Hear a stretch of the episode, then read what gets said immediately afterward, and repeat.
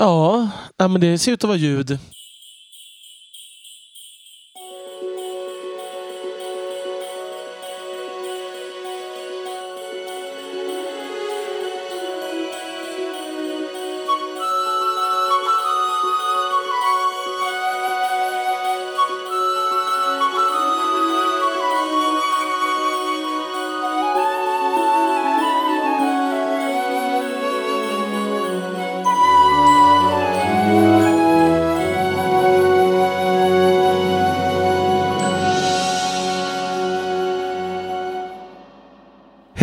Välkomna till det 81 avsnittet av Tolkienpodden.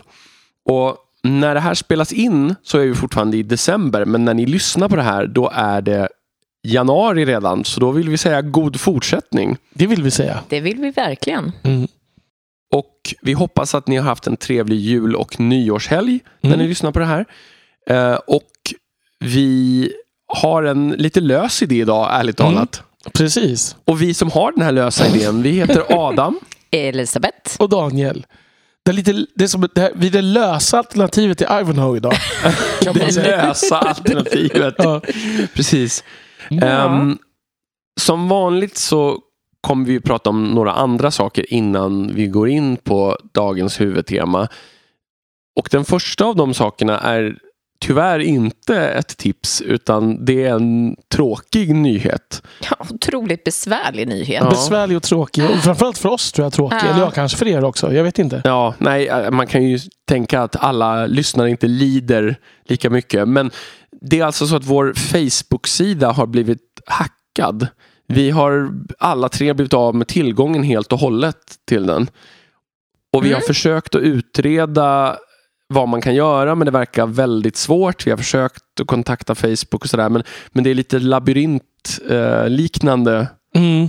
Ja, det är lite också som att när det här hände i, i som den här perioden på året så är det inte heller att man har liksom dygnen tomma för att sitta och reda ut hur man ska göra. Nej, vi hade extrem, vi var extrem, men både du och jag har tittat ganska mycket Daniel och inte riktigt hittat något bra, Nej, någon bra precis. väg in och också googlat på sånt motsvarande. Det verkar som alltså att någon har tagit bort oss allihopa från... Ja, någon tog sig in där Ja. och sen kastade ut oss. Det var Precis. ju lite fult gjort kan man tycka. Och sen inte gjort någonting mer å andra Nej, sidan. hoppas vi. För att om, om det kommer konstiga meddelanden på Messenger från oss så är de alltså inte från oss. Nej. Om det är några som har till exempel skrivit till oss på Messenger tidigare med frågor och sådär. Om det kommer konstiga länkar, klicka inte på dem. Mm. Alltså det är inte, så att vi, är det vi någon som ber att ni ska skicka pengar, eh, så nej. Och det, hade, det tycker jag inte ni skulle ha gjort till oss även om det hade varit vi. Ja, nej. Faktiskt. Ja, fast, fast där är jag böjd att... Nej. Precis. Ja. Va? Här är min. Ja, precis. Och ni kan swisha mig på... Ja. Precis. Ja. Precis. Ja. Nej men alltså. Ehm, Ja, men det är väldigt frustrerande också Ja. för att vi kommer inte kunna göra, vi kan inte göra inlägg och vi kan inte svara om ni faktiskt skickar meddelanden till det oss. kan ju vara så att flera av er har skrivit till oss där och vi inte har Och någon möjlighet att... Ja, vi kommer Svara inte nu. kunna lägga upp länk till nästa, Till det här avsnittet. till det här Som ni avsnittet. lyssnar på nu. Nej, precis. Så att vi hoppas att många av er ändå Otroligt plockar upp det i en podcast-app ändå. Men ja, så att vi vet inte om och i så fall när det här kan tänkas lösa sig. Det verkar som att just den här typen av scenario där alla blir bortplockade helt och hållet det är svår, väldigt svårlöst. Mm. Och Facebook är väldigt svårkontaktade. Ja, Vi får väl se hur det går med det. Mm. Men än så länge så, så är det läget. Och, och vill ni ha kontakt med oss så är det nu alltså bara Gmail som Ja. gäller. Tolkienpodden at gmail.com. Mm. Om ni har några briljanta tips på hur man kan gå tillväga för att lösa det här. Om det är någon som är expert på typ sådana här frågor. Får Eller någon som jättegärna- jobbar på Facebook och Ja, därför precis. kan lösa det här direkt Exakt. och vet att vi är vi. Mm. Ja.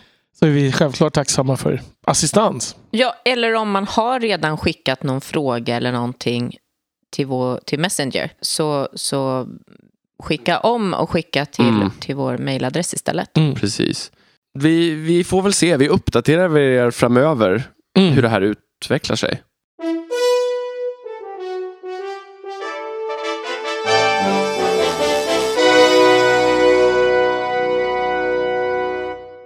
Nej, men då har vi kommit till det här med tips och jag tänker ha ett tips som ligger så långt bort i tiden som möjligt. Eh, faktiskt nästan. Men jag tänker så här. Det finns säkert någon mer än jag som eh, sådär vid jul, det vill säga alldeles nyligen, har känt av en stress och att man ska fixa väldigt mycket och att det är råddigt och eh, besvärligt och sådär. Eh, och... Eh, TV-shop har lösningen för dig. Ja. nej. Mm. jag skulle säga så här. Senaste tre åren tror jag det är, så har Mathusets julbord haft lösningen för oss. Vilket är helt fantastiskt. Eh, för att Vad är mathuset för något då? eh, ja, men det är så här litet hål i väggen i Bandhagen. Mm. Eh, som man kan inte... Utanför Stockholm, ska vi säga. Ja. Ja, precis. Man kan inte åka dit och sätta sig och äta utan de, man kan bara köpa och ta med sig. Okej, Mm. ja. Eh, och det här finns ju säkert eh, på massa olika ställen. Men här kan man köpa och beställa eh, för två personer åt gången och sen så får man ett helt färdigt julbord som man hämtar eh, närmaste vardagen innan. Och eh, behöver bara värma på och det finns lagom mängd av allting och det är hur många olika saker som helst. Eh, och det är fantastiskt trevligt och gott och i min värld prisvärt. Eh, och det har typ gett oss en tiondel så mycket eh, stress som det har varit åren innan. Så det är mitt stora tips. Skriv upp det här nu. Eller Era hur? påminnelser. Lägg in en Mm. avisering. Skriv ner det. Kom Ja. ihåg hur stressade ni var och sen Mm. skriv ner det. Här har vi en lösning. Ja, men det låter ju som en jättebra tips. Det var ett bra Verkligen. tips, fast kanske skulle ha kommit förra. Ja, ja. Ja. Eventuellt. Men, Eh. men det är lustigt att för oss som spelar in det här nu så har vi ju inte, um, vi har inte haft jul än. Alltså det här är Nej, innan julafton. precis. Så jag blev så sugen på julmat nu Ja. när vi började prata. Mm. Jag var på ett julbord häromdagen som Mm. var väldigt, väldigt gott. Ett av de bästa jag någonsin har varit på faktiskt. Mm, vad spännande. Då kan du bara säga vad det var så Ja, du det var eh, Rökeriet på Fjäderholmarna. Mm, det var okej. nog Mm. Topp tre julbord jag har ätit faktiskt. Mm, det fanns trevligt. väldigt, väldigt många olika saker och mycket liksom, hemlagat och kändes väldigt liksom, speciellt och eget. Just det. Så, att, och, så det var sådär äta till man är precis på gränsen till att man mår dåligt. Ja. Men, men jag höll mig på rätt sida av den gränsen. Mm. Ja. Jag, jag och min syrra brukar ju gå på Ulla Vinblad på Djurgården. Det brukar vara väldigt bra. Men den här gången var vi för sent ute så vi gick på Mårten Trotzig i Gamla stan. Det var inte lika bra, men det var ändå det var bra. Mm. Men sen måste jag bara, det här är inget tips som någon annan kan ta del av. Vi hade ett fantastiskt julbord igår i skolan. Alltså Mm. för eleverna. Och då tänker jag att den här matsalen, de lagar ju mat till 3000 elever. Liksom. Mm. Och det var fyra sorters sill och två sorters lax och revbensspjäll Mm. och prinskorv och köttbullar och. Jansson. Och liksom. Mm. Det var fantastiskt. Så vi var, eh, det, hade man fått det på ett julbord ute på stan hade jag varit nöjd tror jag. Mm. Ja, det är ju otroligt Mm. hög nivå. Alltså jag har ju jobbat på samma ställe som du tidigare. Så att jag förstår ju Mm. ungefär. För jag tycker det har varit väldigt bra länge. Ja, absolut.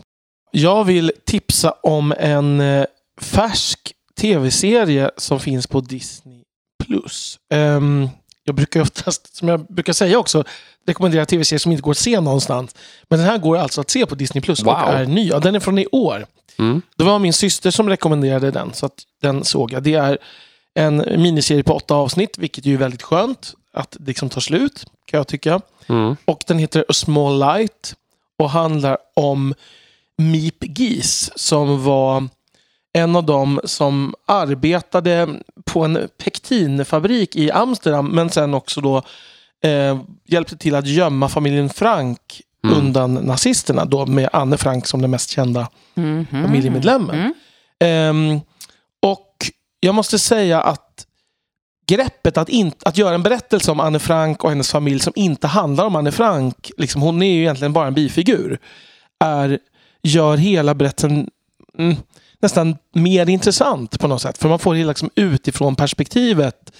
Alltså vad de också, hon och hon Mip och hennes man Jan, de, de liksom engagerar sig ju på andra sätt också i det här att gömma familjer och så där, hjälpa till och i motståndsrörelsen på olika sätt. Men också att de bara blir som, det är egentligen pappan som har en större roll i det här. Och, eh, men annars så blir det som att det här att de är bifigurer, att man liksom se dem ur hennes ögon gör det nästan ännu mer hemskt när det liksom sen går åt pipan. Liksom. Mm. För att hon, man, alltså man förstår också hennes... Det är ju så nära att de klarar sig. Liksom. Det är ju det. Mm. Det, det, är ju, Mm. det är så sent i kriget som, Mm. de, som de tas därifrån. Ehm, så att den kan jag verkligen rekommendera. Det som, det som är, den är ju då inte inspelad med holländska skådespelare. Men det jag gillar med den är att, som jag vill ha det, att det är brittiska skådespelare och någon enstaka amerikan. Men de, de pratar alltså brittisk-engelska, de som är holländare. Ingen konstig löjlig holländsk brytning. Nej. Men däremot de som spelar tyskar pratar tyska eller engelska med tysk brytning. Mm. Så att då, för mig känns det som liksom organiskt och trovärdigt på något sätt. Mm. Det blir lite den tolkienska saken. Man översätter allt till ett annat språk. Ja, exakt. Ja. exakt. Det är som västerödna blir till engelska, blir nederländska här till Ja, engelska. ja Mm. verkligen. Precis.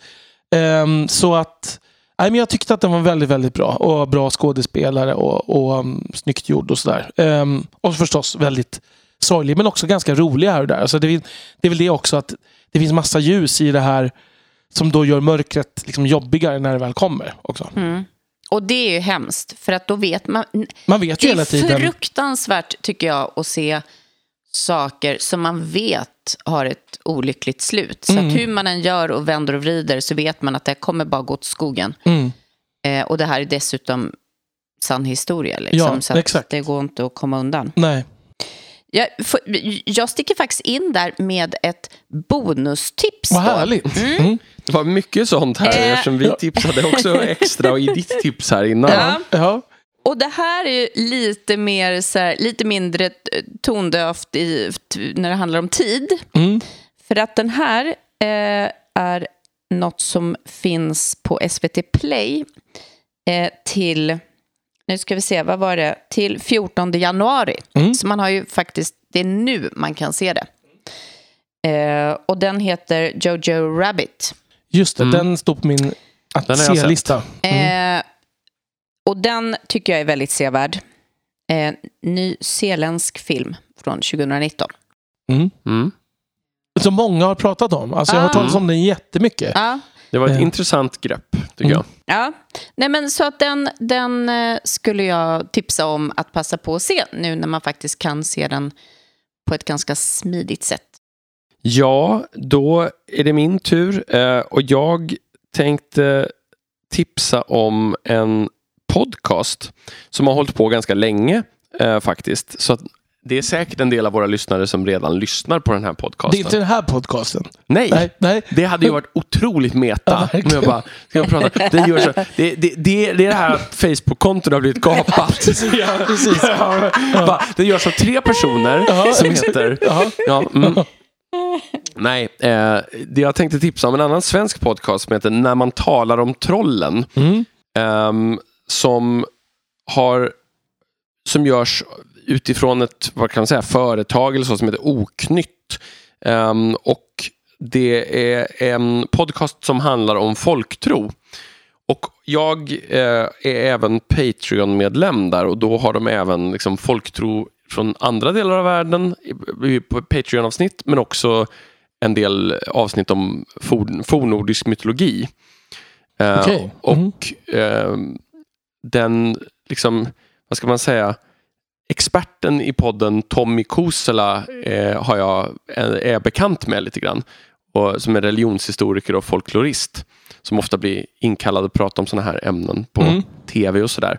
Ehm, och de, de har ju täckt allt möjligt nu efter att ha hållit på några år. Allt från katten i folktro till, till eh, gråterskan La Llorona i, i Mexiko till, till vet du, Seid i fornnordisk mytologi till allt möjligt så här. Så att, um, det är väldigt kul tycker jag. Det är långa, väldigt ingående avsnitt där man liksom det, det är väldigt rotat i källor och forskning. Så. Och, men det finns också ett väldigt bra upplägg där, där den andra världen, Lars, är, gör det lättillgängligt och intervjuar Tommy så att det blir liksom en bra balans Mm, mellan det här liksom det akademiska och det, det liksom anpassade och publikfriande tycker jag. Så att, eh, och jag tänkte att det är ganska många som lyssnar på eh, den här podden som jag tror skulle kunna vara intresserade av sånt. Folktro, olika mytiska väsen. Och om man då eh, skulle bli Patreon-medlem också, det, det får man ju självklart välja själv. Men jag tycker att det har varit intressanta avsnitt som de har släppt bara i det formatet också. Mm. Som har sammanfattat eh, ett gäng olika ämnen intressant. Så att, eh, jag tror att många av, ni, många av er som också gillar vårt format skulle kunna uppskatta det. Och att temana ligger ju inte otroligt långt ifrån varandra. Nej. Och dessutom så vet jag att de båda är ganska förtjusta i tolken. Så tolken dyker upp då och då i liksom... I eh, egen hög person. i, Ja. nej, men i, i referenser och sådär och, och att de jämför med hur tolken förhöll sig. Jag, jag lyssnade på ett avsnitt nyligen, Patreon-avsnitt nyligen om Beowulf till exempel. Mm. Där de, ja, då ligger det inte så långt ifrån. nej, då och- pratar de ganska mycket om tolken och sådär. Så att, ehm, ja, jag tror att många av er skulle kunna tycka att det var intressant. mm, spännande. Namnet fick mig först att tänka att det var någonting som liknade, så här, pratar om nivån trolltyg i tomteskogen. Det var det inte riktigt. Nej, Nej, det var Nej. det inte. även om den också handlar om tomtar och troll och folktro. Ja, precis. Mm. Alltså, det hade kunnat heta det.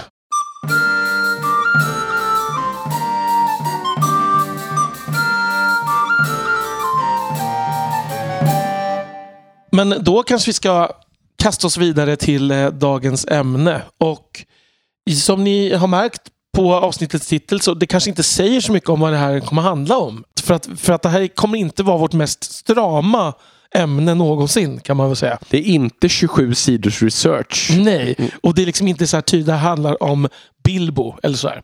Nej. Um, nej, men vi funderade lite på vad, vad vi skulle ha ett avsnitt om. Vi, vi har haft de här läsavsnitten och vi har ju pratat om att göra ett kommentarsspår till den sista Hobbit-filmen. Det kommer också. Men inget av det kändes riktigt som att vi ärligt talat riktigt orkade med nu så här i slutet av terminen. Om man ska vara helt ärlig. Vi kan, vi kan väl bara helt transparent och säga att vi har alla tre haft skolavslutning tidigare idag när vi Ja. spelar in. Och känner oss som eh, varsin säck potatis. Sådär, Precis, ungefär. exakt. Lite gråa i ansiktet. Ja. Vilket är roligt, för jag tänkte säga så det här avsnittet där snillen spekulerar. Men så mycket snillen vet jag inte om vi känner oss Nej, som efter. Säckar potatis spekulerar. Nej, vi, vi, vi har så här 30 procent av vår normala kapacitet mentalt här känns det som. Så att, Ungefär så. ja. Ehm, nej men, men det här fick mig att tänka på, för en, jag har ju, fick ju av mina kära poddkamrater här i 40-årspresent, det är nu alltså ganska många år sedan, ehm, en, en, en, eh, den här bokserien um, um, Malazan Book of the Fallen. Precis, så heter den. Som jag har lärt mig att man ska säga Malasan faktiskt. Jaha, säger han det själv alltså? Ja, exakt. Okej. Mm. Men å andra sidan verkar han vara väldigt inkonsekvent. Författaren okej. då heter Steven Mm. Erickson Mm. och jag är på bok fyra nu och har också lyssnat lite på en, en podd då för att hänga med i handlingen i boken. Ja. Eh, De här, vi hette, ska väl vad, kanske... hette, vad hette serien nu igen? Mal- Malazan Book of the Fallen. Och de, är ju, de är ju ökända för att vara svåra att hänga med i. Mm. Jag pratade om det någon gång förut, men att det är väl det här att, de, de inte, att han inte krattar så mycket, utan han bara kör på och så får man hänga med så gott man kan. Jag liksom. byter perspektiv i varje bok Mm. och såna här saker. Det är, ja, så. Men, eh, ju- alltså det är ju väldigt, väldigt bra. Men man måste vara koncentrerad när man läser. I alla fall, då hörde jag i den här podden som var en intervju med honom. Ehm, och där sa han att han tyckte att Frodo borde ha, borde ha dött i slutet av Lord of the Rings. Att alltså han kastas i elden med ringen typ. Mm. Och så får man följa liksom de andras sorg i det efter, liksom, när det här har hänt. För att han menar att man får se deras sorg, men det är ju falsk sorg. För, Mm. att, för att han har ju inte dött. Liksom. Mm. När jag läste, hörde den podden så tänkte jag att det här borde vi prata om. För att jag, och det kommer vi strax prata om, för jag tycker att han har eh, fel. Men, och då började vi tänka, hmm, kan man hitta andra ämnen på lite liknande tema? Så det kommer bli ett, avsnitt som handlar lite om så här kunde det också ha blivit och Mm. vad kunde ha hänt istället. Så det är lite kontrafaktisk historia och lite så här alternativa, Mm. liksom, vad hade hänt om? Typ. Ehm, jag kommer ju genast att tänka på att liksom den, den argumentationslinjen har ju varit ganska mycket kring Harry Potter. Att det är Mm. liksom Jesus-liknelsen ska bli mycket tydligare om, om han bara var död helt enkelt. Ja, liksom. det. Mm. Ehm, sen så återuppståndelse, visst eh, så, men, men liksom att han bara får komma tillbaka till ett vanligt liv. Mm. Ta lite udden av Nej, det det här. gör ju inte Jesus. Nej, nej precis, men det är det Ja. jag menar. Ja, jo, jag förstår och att det det, tar precis. udden lite av det där det, det stora offret på Mm, något sätt. Liksom. Det. Som, och, um, och det här blir lite liknande argumentationslinje från hans sida. Ja, så vi kommer ta lite olika ämnen på det temat. Men vi kanske ska ta, börja med det då, Ja, vi där. köper det och sen så ser vi vilka andra vi hinner med. Mm. Ja, men för, för det som jag, jag tänkte när jag hörde det här, det är att han, jag tycker han har missuppfattat hela slutet och vad, det, vad tolken vill säga. Och så kan man ju tänka att ja, men man vill säga, han vill säga något annat. Men det för mig tyder på att man liksom inte har riktigt koll. För det jag menar att tolken vill säga är ju att Frodo offrar ju faktiskt i princip sitt liv i och med att han kommer tillbaka och kan inte leva ett normalt liv. Mm. Och att han är en av de här soldaterna som faktiskt kommer tillbaka från första världskriget. Ju, Mhm. och inte kan leva ett normalt liv. Fast det på ytan verkar som att det borde han ju kunna göra. Liksom. Ja, kriget är ju slut och Ja. allt, det- alla problem är lösta så att säga. Mm. ja. Men, men, men så att jag tror att det var ett otroligt viktigt tema för tolken. Tror jag. Mm. Ehm, och att föreslå ett annat slut här känns lite tondövt kan jag tycka. Ja. Just i, i och med det. Ja, I så fall skulle han ju behövt ge den biten till någon annan. Ja. Typ Sam, Ja, kanske. ja absolut. Mm. Det hade man kunnat göra. Att Frodo dör och Sam, och då det bidrar det kanske till exempel Mm. då till Sam. Mm. Men, men Sam, det hade inte riktigt passat Sam som person. Nej. Att, att Nej, gräva ner sig i det på det sättet. Frågan är om man hade gjort det ändå. Eh, alltså om man tänker sig som att vi tänker bort att det är en litterär produkt här. Liksom. Hade personen Sam blivit melankolisk i resten av sitt liv om det hade varit slut? Jag tror inte det. Nej, det tror inte jag heller. Jag tror inte att det är, alltså jag tror inte det ingår i hans uppsättning i, Nej. i, i sig. Liksom, utan jag tror att han skulle ta sig förbi det. Han skulle sörja enormt, men han skulle ta sig förbi det. Precis, men, han, men, men Frodo är ju lite av en melankolisk sökare redan från början på något Mm, sätt. mm, Och det är därför på något sätt den här liksom livskrisen som börjar redan med bärandet av ringen Mm. och sen fortsätter Mm. igenom ända tills han får lämna Midgård. mm, ehm, blir på något sätt passande i hans personlighet. Exakt. Och jag ser det liksom inte. Det är klart att, att dö är ju ett, kanske ett större offer, men samtidigt kanske ändå inte. Alltså, hans, det offer han gör är ju på något sätt att ge upp all sin lycka. Mm. Ehm, och jag vet inte om det är ett mindre offer liksom, nödvändigtvis. I ett, alltså ur ett litterärt perspektiv. Det är klart att det kanske är det om det här vore verklighet. Men Man kan ju fundera på hur länge sedan det var Steven Erickson faktiskt läste böckerna. Mm. För att det här perspektivet framträder ju inte ens i närheten lika mycket i filmversionen. Och om man har sett filmerna många gånger sedan man läste böckerna Mm. och blivit färgad av det här, och de kommer tillbaka och allt blir bra igen. Mm. Även om man liksom minns den andra så blir det ändå mindre centralt i ens uppfattning av verkets... Fast jag tycker att det ändå kommer med i filmerna. Ja, fast inte alls lika mycket tycker jag inte. Alltså att det just, just det här liksom också att eh, Scouring of the Shire är borta. Det, det är någonting Mm. i det där och att man får inte de här åren av hans liksom lång, att det aldrig går bort och går över utan det, jag vet inte, det blir ju ändå något annat där tycker jag. Fast han säger ju ändå även i filmen, liksom, vi mm, gav oss ut för att rädda. Eh, Mm. och, och vi har lyckats, vi har räddat det, bara inte för mig. Mm. Så. Jo, men jag håller med om att han försöker skildra det. Men jag tycker inte att det riktigt blir samma sak ändå. Det får inte samma tyngd. Ju, För mig. Nej.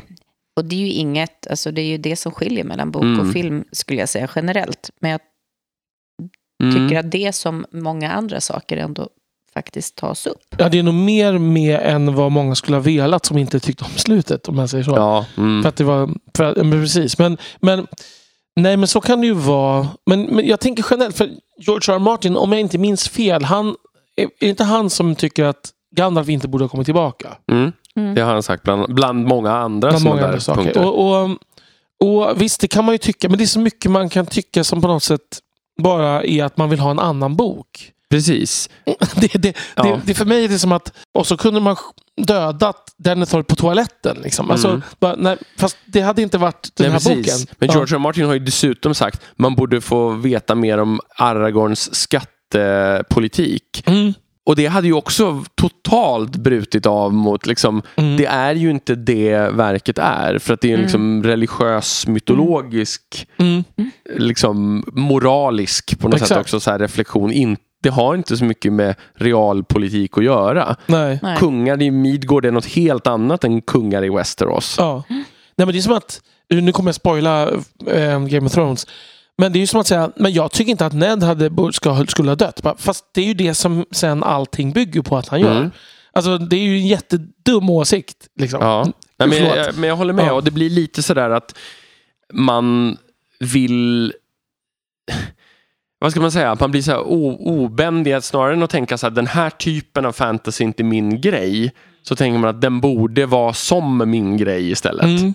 Det är som att Narnia borde vara fullt av brutalt våld, Mm. tycker jag. Mm. Nej, men liksom så här, det här var jättekonstigt. Ja.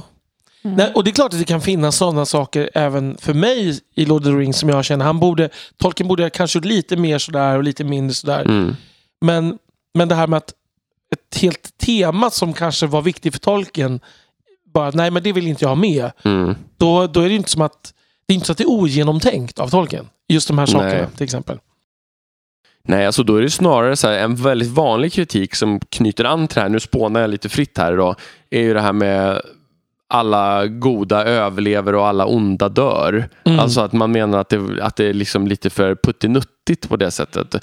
Eh, men och, att man menar då att den enda man offrar är Boromir och Denethor som ingen tycker om ändå. Liksom. Ehm, alltså av läsarna så Ja. att säga. Ehm, och, och det, Theoden, Ja, precis. Och, honom men tycker då, läsarna om. det är sant. Men Theoden får ändå någon sorts så här hjältedöd och Mm. att det framställs som väldigt, väldigt positivt. Att liksom, han uppnådde allt och fick uppnå frid innan Ja, han och, dog. få- liksom. precis. Och får åka till Valhall. Typ. Ja, men det är ju verkligen Mm, den liksom... eh, så, och, och det är väl en, ändå någonting som man hör ganska ofta. Man tycker att det liksom är för... Det är för snällt på något sätt så. Att de... Men det är ju liksom lite det Tolkien är också. Alltså det är ju det är, det är också något där att det goda vinner. Det gör ju det verkligen. Ja, alltså det, vi får inte glömma att det här är ett kristet verk Mm. i grunden. Precis. Som man ju sa. Mm. Det hade varit jättekonstigt om det onda hade vunnit då. Mm. Faktiskt. Ja. Ja. Ja, jag, får, jag får ringa Steven Eriksson och läsa lusen av honom helt enkelt. Precis. ja, nej, men jag menar, I hans bok hade det varit, är det ju helt rimligt det han säger. Mm. Att folk dör och folk sörjer. Ja, Mm. men du har ju skrivit den boken nu så att... ja. Ja, jo men precis. Men, men det är lite intressant generellt att reflektera över det där med ehm, för att det är ju väldigt, väldigt vanligt om man tänker i någon så här hjältens resa och, och i populärkultur och sådär att, att ehm, en vissa roller ska dö. Mm. Alltså till exempel att mentorsrollen väldigt ofta försvinner på, vid någon punkt. Mm. Och det är ju väldigt ofta för att personen dör. Det är ofta en äldre man eller kvinna ja, det här är ju liksom han Campbell, heter, eller vad heter Ja, Joseph Campbell, Joseph Campbell, Hjältens resa, Ja, alltså A Hero's Journey. Och, eh, men, men, men då är, och då är det liksom, det är ju ett av de här klockslagen i den här, liksom som han spånade ut över olika mytologiska berättelser. Men, men det har ju nästan blivit en stereotyp då, alltså därför. Så det är nästan, man väntar sig att den äldre mentorsfiguren ska dö. När man tittar på någonting som äventyrs eller fantasy-inriktat. Verkligen. Och i viss mån så är ju det ganska rimligt, för det gör ju berättartekniskt så blir det väldigt mycket lättare. Ja, precis. Mm. Annars måste man ju ta bort dem på något annat sätt. Ja. Att de inte, därför att, att, att hjälten ska stå på sina egna ben Mm. blir ju en central... Mm. Mm. Eller så får den alltid gå hand i hand med honom som, som curlar lite. Ja, men det, det hänger ju ihop med det här att hur många procent av alla fantasy huvudpersoner är föräldralösa? Alltså det är ju väldigt, väldigt hög andel. Mm, verkligen. För att allt är kalkerat på typ kung Arthur. Typ. Ja, men lite åt det hållet Ja. i alla fall. Men, men, men det blir ju också som du sa Elisabeth, det blir ju berättartekniskt så att så här, man blir ju inte en underdog annars. Liksom, om man har all den här kompetensen med sig. Och det, men det blir lite så i, om man tänker på andra aspekter av Lord of the Rings så blir det ändå så att Frodo blir ju gradvis av med all den här kompetensen som han har med sig i ryggsäcken från Rivendell. Alltså att det blir bara han och Sam kvar ganska fort. Och det fyller ju lite av den rollen, Det- även om Gandalf inte är död. Ja, han har ju, det är ju fler än Gandalf som, som de behövde göra sig av med för att han skulle stå på egna ben helt och hållet. Mm. Så är det ju. För jag menar, berättelsen hade ju varit helt annorlunda om Aragorn hade följt Ja. med in i Mordor. Mm. Ja, precis. Undrar hur medvetet just det här var. Liksom. Ja, eh, precis. Var det ett instinktivt beslut av Tolkien? Mm. Eller Klokt var det, beslut. Ja, eller var det så att han liksom planerade sig fram till att här behöver de bli ensamma? Mm. Jag tycker att det känns som att det har vuxit fram väldigt organiskt. Det är Mm. min, min bild. Mm. Ehm, och det funkar också väldigt organiskt i berättelsen, kan jag tycka. Mm. Det är någonstans rimligt. Alltså, det är inte ett rimligt beslut. Men det är rimligt att Frodo fattar det beslutet där och då. Mm. Att ge sig iväg ensam. Mm. Men där har väl också kanske det här att, alltså, att det finns någon slags förutbestämt öde har ju också sitt finger med i spelet här. Mm. jag. Och det avsnittet kommer vi forta, fortsätta skjuta på framtiden. Ja. Tolkien och ödet. Men vi ska kanske inte skjuta Bilbo på framtiden. Ska vi fortsätta med honom fast i en annan riktning?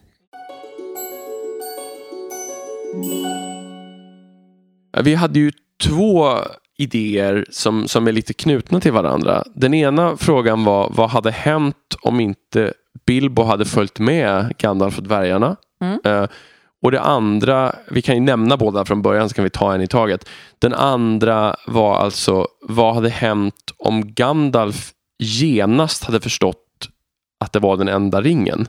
Red, alltså så fort Bilbo fick den, vad, vad hade hänt då? Men vi kan ju börja med den första om Bilbo inte hade följt med. Det första är ju man tänker, hade Gandalf gett upp tanke på att hitta en till medlem i sällskapet? Ja, det tror jag. Mm. Jag tror inte han hade så här, okej då tar vi Hobbit nummer två. Ja, precis. Exakt. Någon, någon annan, någon liten bolger som satt och lurade i Precis. sin håla. Det, det visade sig att det var, det var liksom folk och boffing Ja. som var i och för sig inte ens var född. Nej, men, den, den äldre. ja, precis. Mm. Ja. Ehm, men, men, men precis, så det hade ju förstås påverkat allt. Och, ja, alltså, det man skulle landa i är att det hade, mycket hade väl inte hänt överhuvudtaget. Och det Nej. hade väl inte, antagligen inte gått så bra. Nej, precis. För det första hade ju ringen inte försvunnit från Gollum. Det är väl Nej. den viktigaste förändringen av Det är allting. den viktigaste förändringen för Lord of the Rings. Ja, Men jag tänker för The Hobbit så tänker jag att det är många tillfällen ändå där Bilbo blir ju avgörande för att handlingen mm. flyttas fram. Mm. Red, det hade ju kunnat ta slut redan hos trollen. För Mm. Bilbo, Bilbo drar ut på tiden. Och, och låter Gandalf liksom hjälpa till där. Mm. Eh, och, men om, och de, eller så hade de kanske inte ens hamnat i liksom, konfrontation med trollen. De hade inte, om de inte hade haft Bilbo skicka fram. De skickade ju fram honom för att stjäla från trollen. Just det. Mm. Och jag menar, om inte Bilbo hade funnits när de kom in i mörkveden, då hade det varit Det totalt åt skogen. godnatt. Ha, Ja. Mm. Ja. Nej men verkligen, de hade, de hade dels vikit av från vägen och de hade liksom antingen blivit uppätna av spindlarna eller tillfångatagna av alverna och aldrig lyckats bli fria. Mm. Och, och även om de hade på något sätt tagit sig förbi de där sakerna så hade det ju då, om vi tänker att Bilbo inte hade kunnat stjäla arken, stenen från, från Thorin så hade det ju femherraslaget brakat loss mellan de här sidorna redan innan några vättar kom dit. Och då hade vättarna sopat upp resterna och vunnit. Och Smaug hade överlevt. Och hade kunnat vara en potentiell liksom, styrka för Sauron, vilket ju Tolkien själv nämner i till exempel Unfinished Tales. Ja, nej, men man kan ju tänka så här att, att eh, det kunde ha blivit en annan ganska intressant berättelse. Mm. Ja, för att Tolkien hade ju kunnat skriva den här berättelsen så att det hade funkat för dvärgarna ändå. Ja, absolut. Eh, så så att det är två olika perspektiv. Mm. Men det andra är ju att hade äventyret fortlöpt som det gjorde fast Bilbo inte var med, då hade det... Ja. Inte Nej, gått men så för bra. då hade det ju funnits, vad hade tvingat ut Gollum ur berget? Eh, någonting hade ju behövt Mm. på något vis tvinga ut honom. Eh, och samma sak så hade ju vem hade blivit eh, motståndare till Smaug? Hur hade...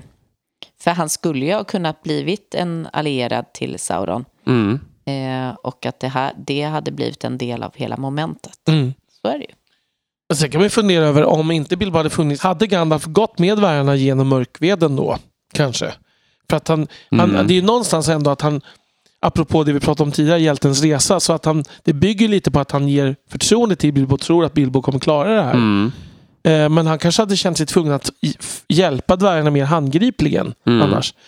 Men då hade han sedan kanske, s- alltså Sauron som nekromanten inte, alltså det förloppet hade kanske liksom ställt Precis, för då hade Gandalf behövt vara där istället för att jobba med Vita rådet Ja. mot Dol Guldur. Ja, exakt. Ehm, och då, vad hade det inneburit sen då politiskt om, om Dol Guldur fortfarande stod i Saurons tjänst och Smaug Mm, fortfarande var vid liv? Det hade Mm. varit en mycket sämre position i Norden. verkligen.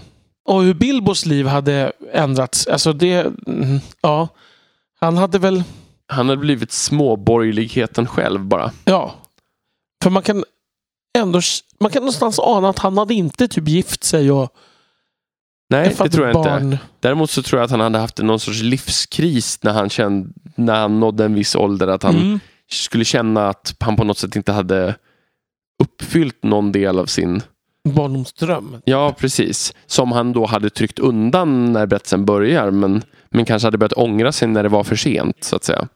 Men han hade haft kvar sin, eh, alltså att han varit respektabel Mm, på ett annat sätt antagligen. precis. Mm. Nej, men, så det, men det blir ju förändringar på väldigt många olika nivåer. Det blir ju förändringar i berättelsen, det blir förändringar för liksom den övergripande situationen inför Lord of the Rings och det blir förändringar för de en- enskilda personerna också.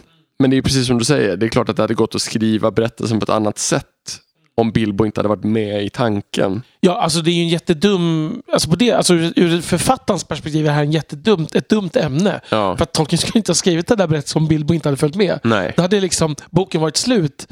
Bara, för, att, för att berättelsen handlar ju om Bilbo. Så Ja, hade bara, ja, efter kapitel ett så Bilbo så la vi ner. Liksom. precis. Mm. Vi fick bara se ett eh, vi fick se ett konstigt besök som Bilbo sen inte ledde Mm. till någonting. Nej, exakt. Och sen kommer det till lite om pipgräs eller någonting kanske. Kan man ha lagt till. För att göra boken lite längre. Ja, precis. Mm. Om paj. Mm. Ja.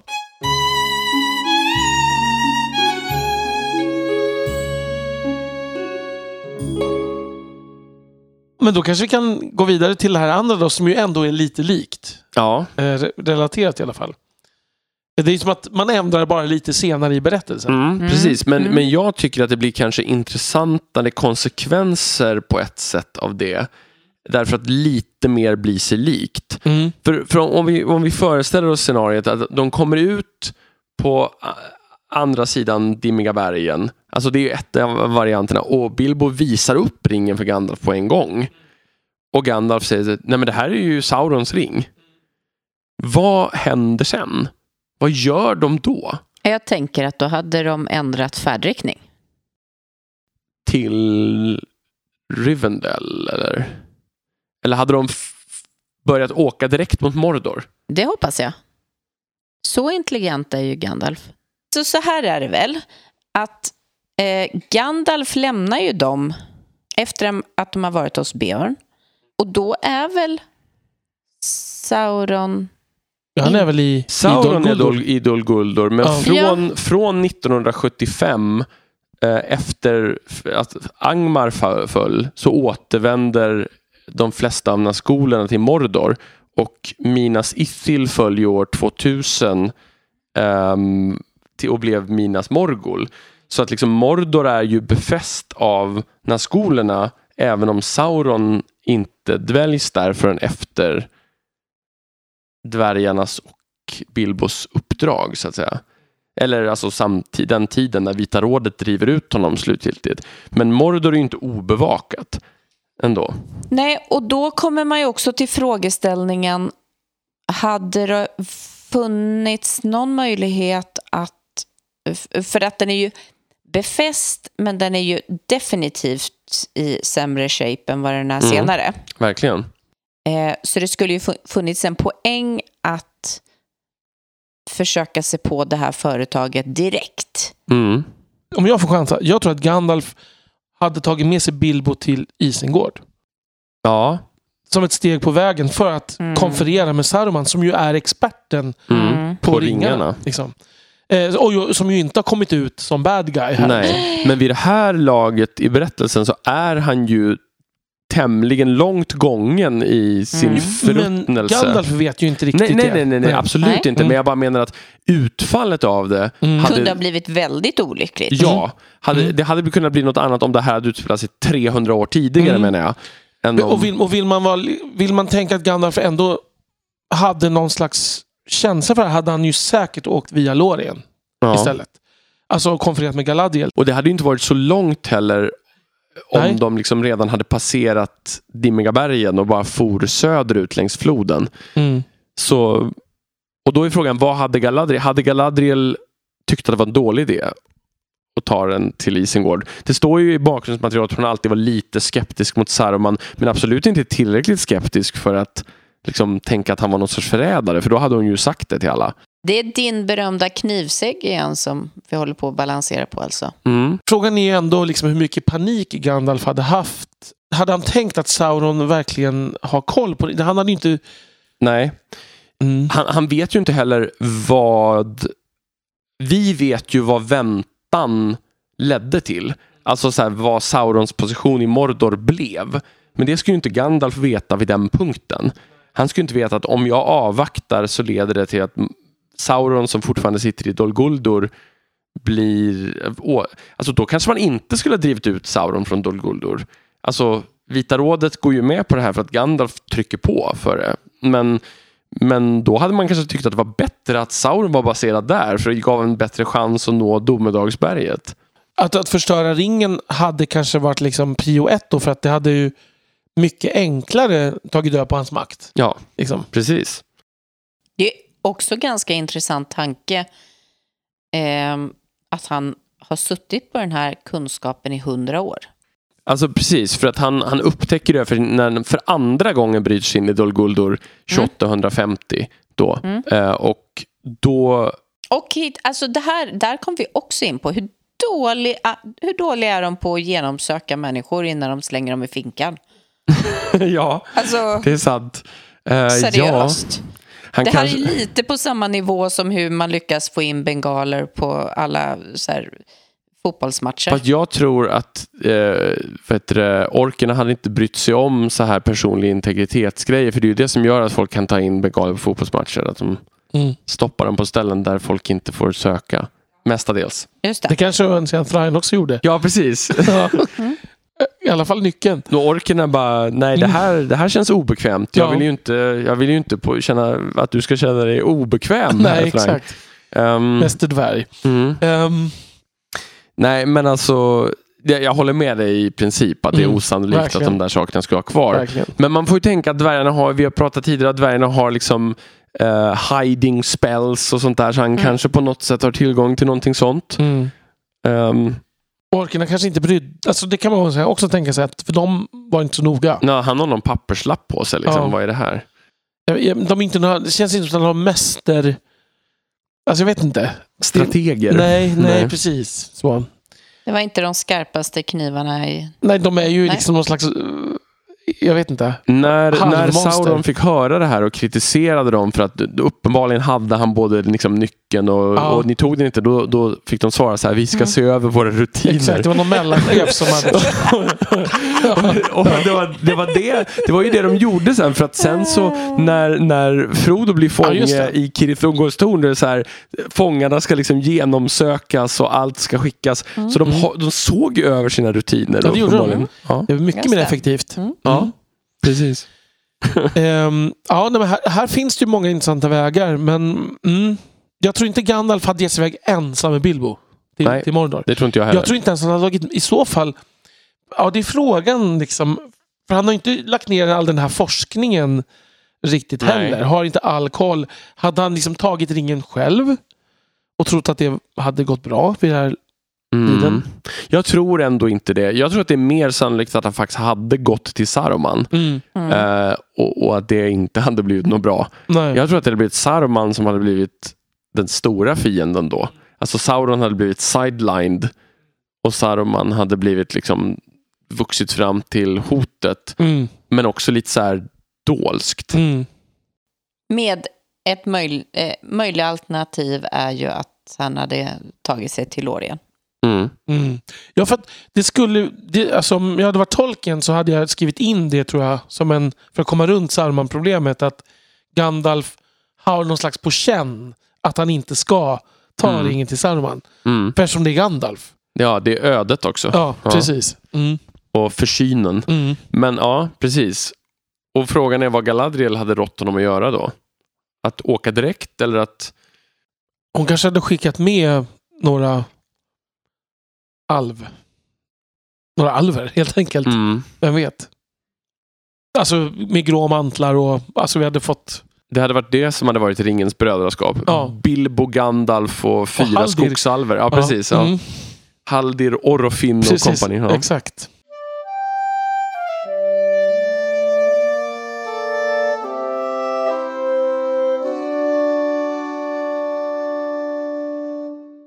Ska vi stanna till vid Sauroman och gå vidare? Mm. Det kan vi göra. Då hade vi ett annat scenario som gick ut på lite motsatsen till det här. Och så här vad hade hänt om Saruman inte hade blivit förmörkad eller ond? Mm. Om Saruman hade varit samma i sina intentioner när, vid tiden för ringens krig som när han anlände i Midgård. Den är liksom nästan svårare att föreställa sig. För att det bygger på att han egentligen inte riktigt är Saruman. Ehm, Precis, men det, är, men det är lite intressant för det är också Mm. frågan så här. Hade, Gandalf säger ju själv att det inte hade behövt gå så där. Nej. Och att Saruman hade kunnat, att det var nära att han kunde vända tillbaka till och med efter. Mm. Så det Absolut. borde ju absolut ha gått att Saruman skulle utvecklas i en annan riktning. Ja men säkert. Det, så är det ju. Men om vi, ja, men precis, om vi tänker det då. Då hade brödraskapet Inte behövt oroa sig över eh, the, gap, of Rohan. Nej. Nej, Utan de hade färdat söderut. Via, hade de gjort det ändå? Ja, antagligen. sannolikt ja. Mm. Och då är frågan, hade Saruman, Saruman hade ju inte haft, han hade ju sannolikt inte byggt upp några arméer, Nej. inte på den goda sidan, vilka skulle det ha varit liksom? Mm. Utan Saruman hade ju hade varit en möjlig deltagare i brödraskapet faktiskt. Mm. Vilket, vilket power! Ja, Brödraskap med två Det, trollkarlar. det är helt liksom. OP. Ja. Det, ja. Ehm, eller så hade han inte... Fast han känns mindre som den resande än Gandalf Ja, ändå. Liksom. ja, men precis. Han hade kanske liksom mm, gett dem goda råd på vägen eller någonting. Det, Bara, man hej, hade ju hej. kunnat se det som en berättelse att de liksom mellanlandar hos Saruman som Ja. ger råd och eh, då hade han kunnat vara den som gav dem artefakter eller liksom men, men då, och då hade ju inte konflikten i Rohan pågått överhuvudtaget. Theodred hade levt, de hade Mm. inte stött på Eomer och kompani. Theoden hade varit liksom vid sina sinnens fulla bruk Ja. totalt. De hade kanske kunnat få hjälp ändå av Mm. Rohirrim. Frågan är vad, vad hade då planen varit när man väl kom dit? För det hade ju sannolikt varit då att färdas genom Rohan, men, men sen då? Hade det varit liksom att, att bara ta sig ner mot... Alltså Boromir hade ju kunnat bli ett problem ändå. ja. Det hade ju inte alls behövt ändras. Nej. Borde ju ha blivit ett problem, Mm. Mm. skulle jag säga. Ja. Och Denethor. Och Gollum. Mm. Mm. Ja, Denethor hade varit ett stort problem. Alltså att ta sig den vägen och sen nå, färdas via Gondor utan att besöka Denethor Ja, hade varit jättesvårt antagligen. Mm. verkligen. Och hur hade Theoden reagerat på att ringen... Alltså då hade ju Theoden behövt frestas av ringen också. Mm. Faktiskt. Och det, det, det tänker man ju inte ens på för det, han, det ringen är ju inte ens i närheten av honom. Nej, Men, men man tänker ju ändå att han skulle ha stått upp okej mot den det frestelsen. tror jag. För att Det verkar ju också som att man måste liksom ha en böjelse för att antingen att man påverkas under längre tid av ringen. För Mm. Boromir är inte så här, så här från början. Nej. Nej, Eh, eller det att man liksom går och tänker på, alltså Denethor har tänkt så mycket på den här ringen. Men det Att- har ju inte Theoden gjort. nej, nej men exakt. Nej, så jag tror att inte- Theoden hade liksom, han hade nog inte, Nej. de hade inte ens behövt säga tror jag vad de ska göra. Nej. Alltså, vi har ett uppdrag i öster. Liksom. Då hade ju relationen med Gandalf också varit väldigt positiv Ja, jämfört med exakt. hur den var i Exakt. början. Vi behöver Ja. nio Ja, hästar. Precis. Ja. Men, men, då, ja, men då är det ju Denethor som är lite liksom Mm. hindret. Och vad hade, hade de kunnat, de hade ju blivit upptäckta av Denethor som ju även i det här scenariot hade börjat använda Palantiren. och någonstans så ha, ha, där kom vi också till frågan, hade Boromir dött då? Nej, inte det är där. tveksamt. Det fanns ju orker från, från både Mordor och... Mm. Eh, och de kan ju ha dykt upp oavsett, tänker Ja, jag. de befann sig på andra flodstranden Ja. generellt. Men, men ja, absolut. Det hade man kunnat tänka sig.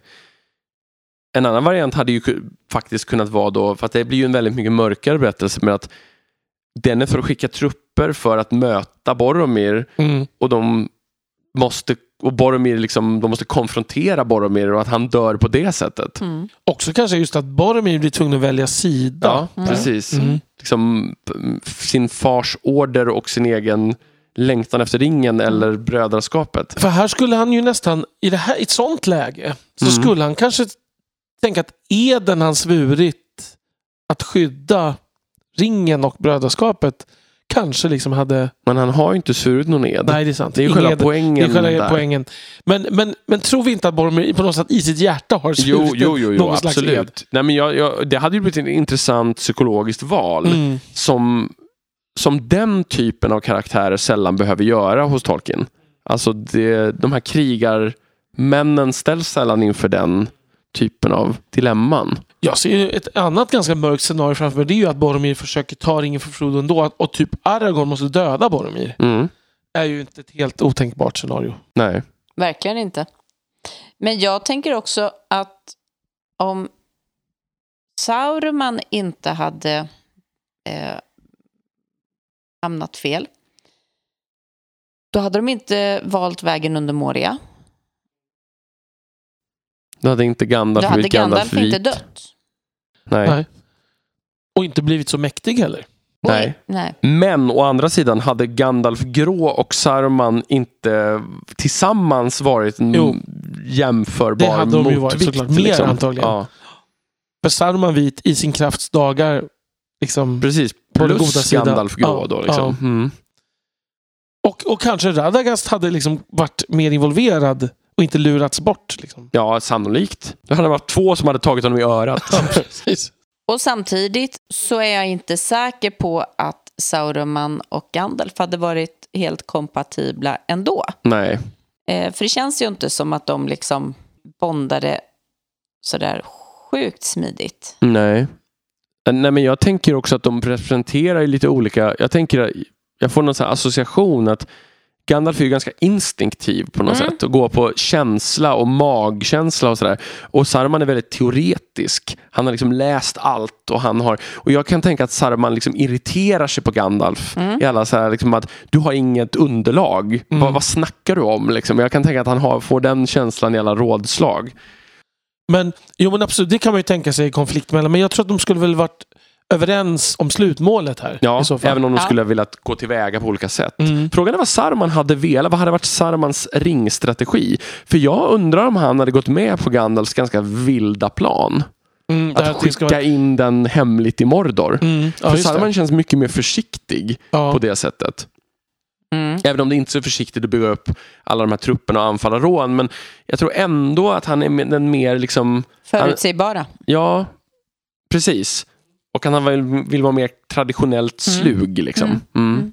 Man kan också tänka sig att han hade kunnat övertygas om den idén. Mm. För vad skulle de annars idén vara? Nej, det finns ju inte många alternativ precis. Nej.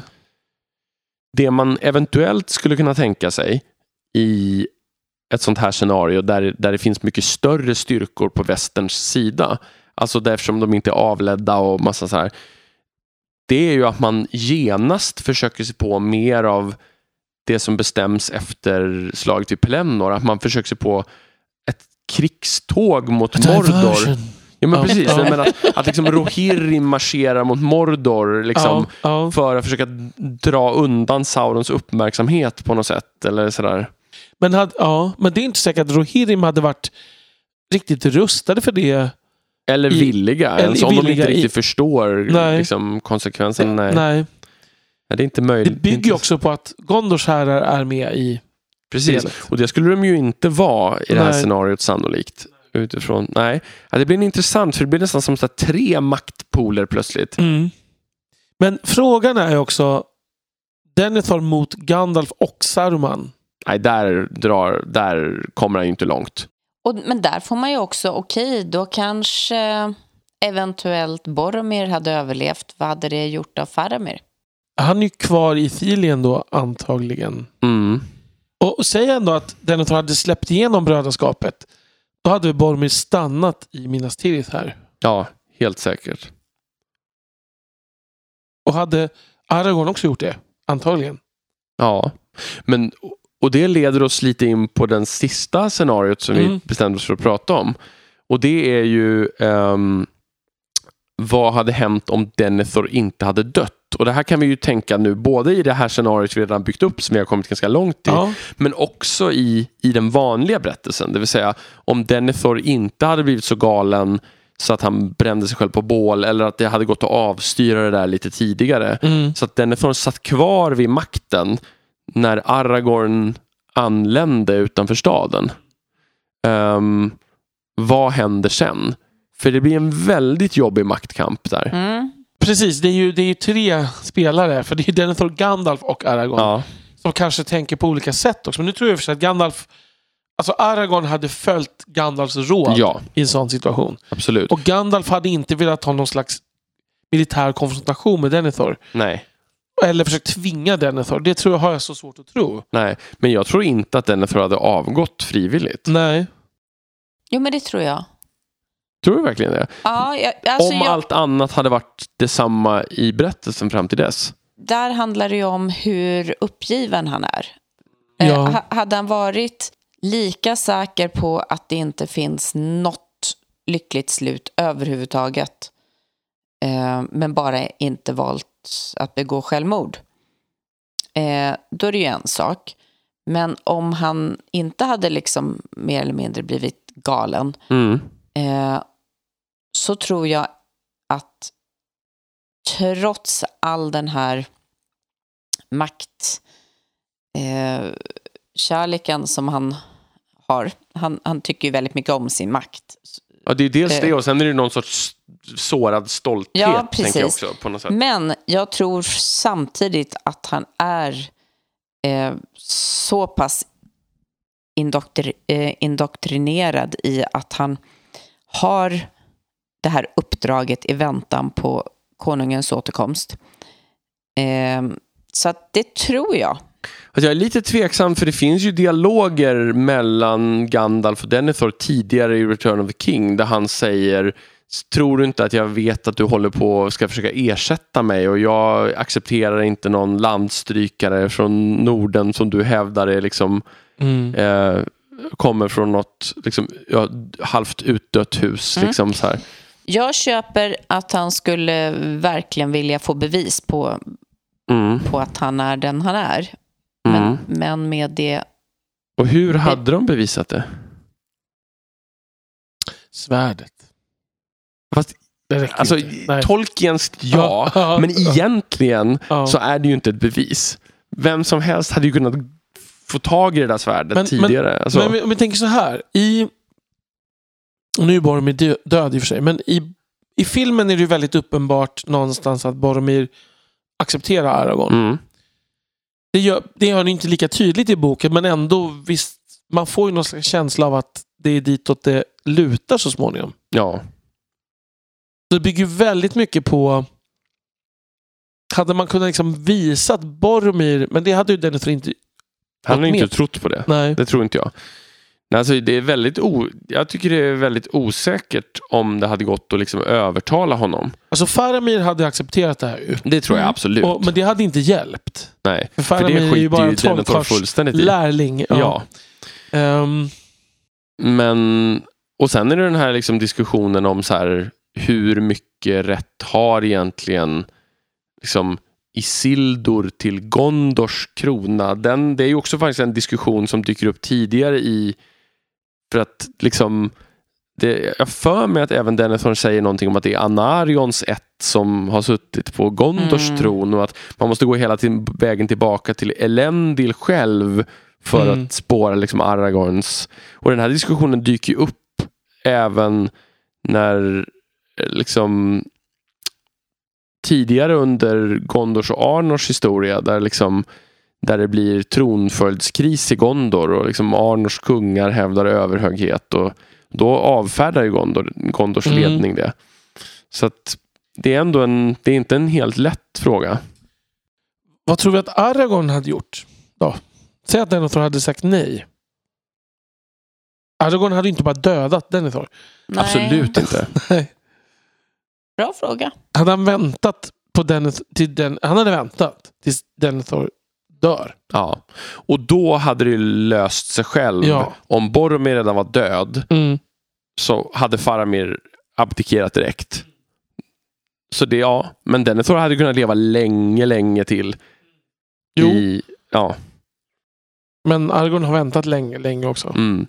Men frågan är vad händer då samtidigt med ringen så att säga? Alltså, för då hade ju ingen armé marscherat ut mot Nej, och då hade ju Frodo inte kommit igenom. nej, nej, så allt det här hade varit en, väldigt hypotetiskt för att de hade förlorat kriget. Ja, men det hade de nog. Och sen så hade de liksom dött i något så här väldigt obekvämt last stand där alla hatar varandra innanför Minas Tiriths murar. Ja. Det hade inte känts som Tolkien. nej, nej. Kanske är glada att det, att det gick som det gick. Ja, Det är. Quentin Tarantinos tolkning här. Precis. Ja, Mm. exakt. Ja. Ja, det, när, man, när man tar sådana hypotetiska vad ska man säga, resonemang så det, alltså man landar ju i att berättelsen är ju som den är av en anledning men det är också för att det är en person som har tänkt ut den. Mm.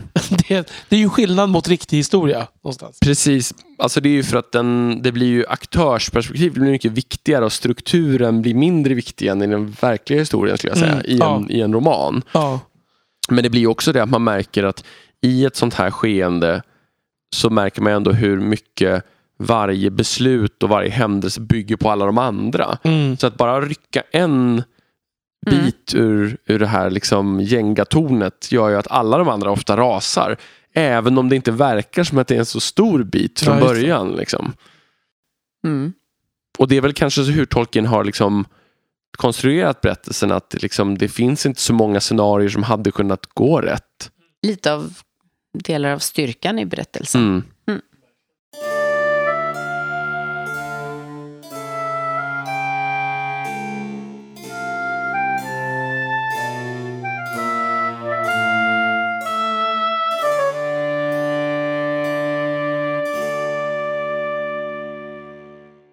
Vi gått igenom några sådana här eh, kontrafaktiska scenarier och spånat lite. Vi hoppas att ni ändå har kunnat uppskatta den här ganska vänta, fri... vänta, vänta, vänta. Jag har ju ett kvar. Ja, hade Det är du? jätteviktigt ju. Vad hade hänt alltså, när Ero lyssnar på Ainors sång och inser att det här med körsång, hörni, det är överskattat.